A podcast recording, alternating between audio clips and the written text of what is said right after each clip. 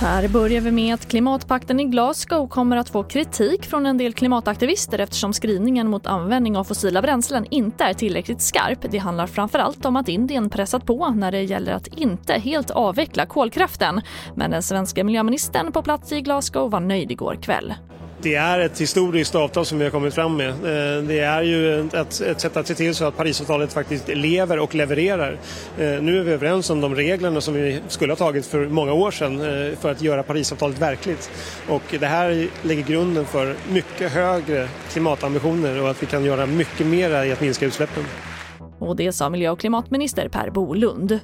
Och igår larmades polisen till Heby i Uppsala kommun med anledning av ett mordförsök. När polisen kom till platsen påträffades en blodig man som fördes till sjukhus med ambulanshelikopter och en person greps. Enligt polisen ska personerna ha bråkat med varandra och en yxa ska ha förekommit i bråket. Den gripne mannen är misstänkt för mordförsök.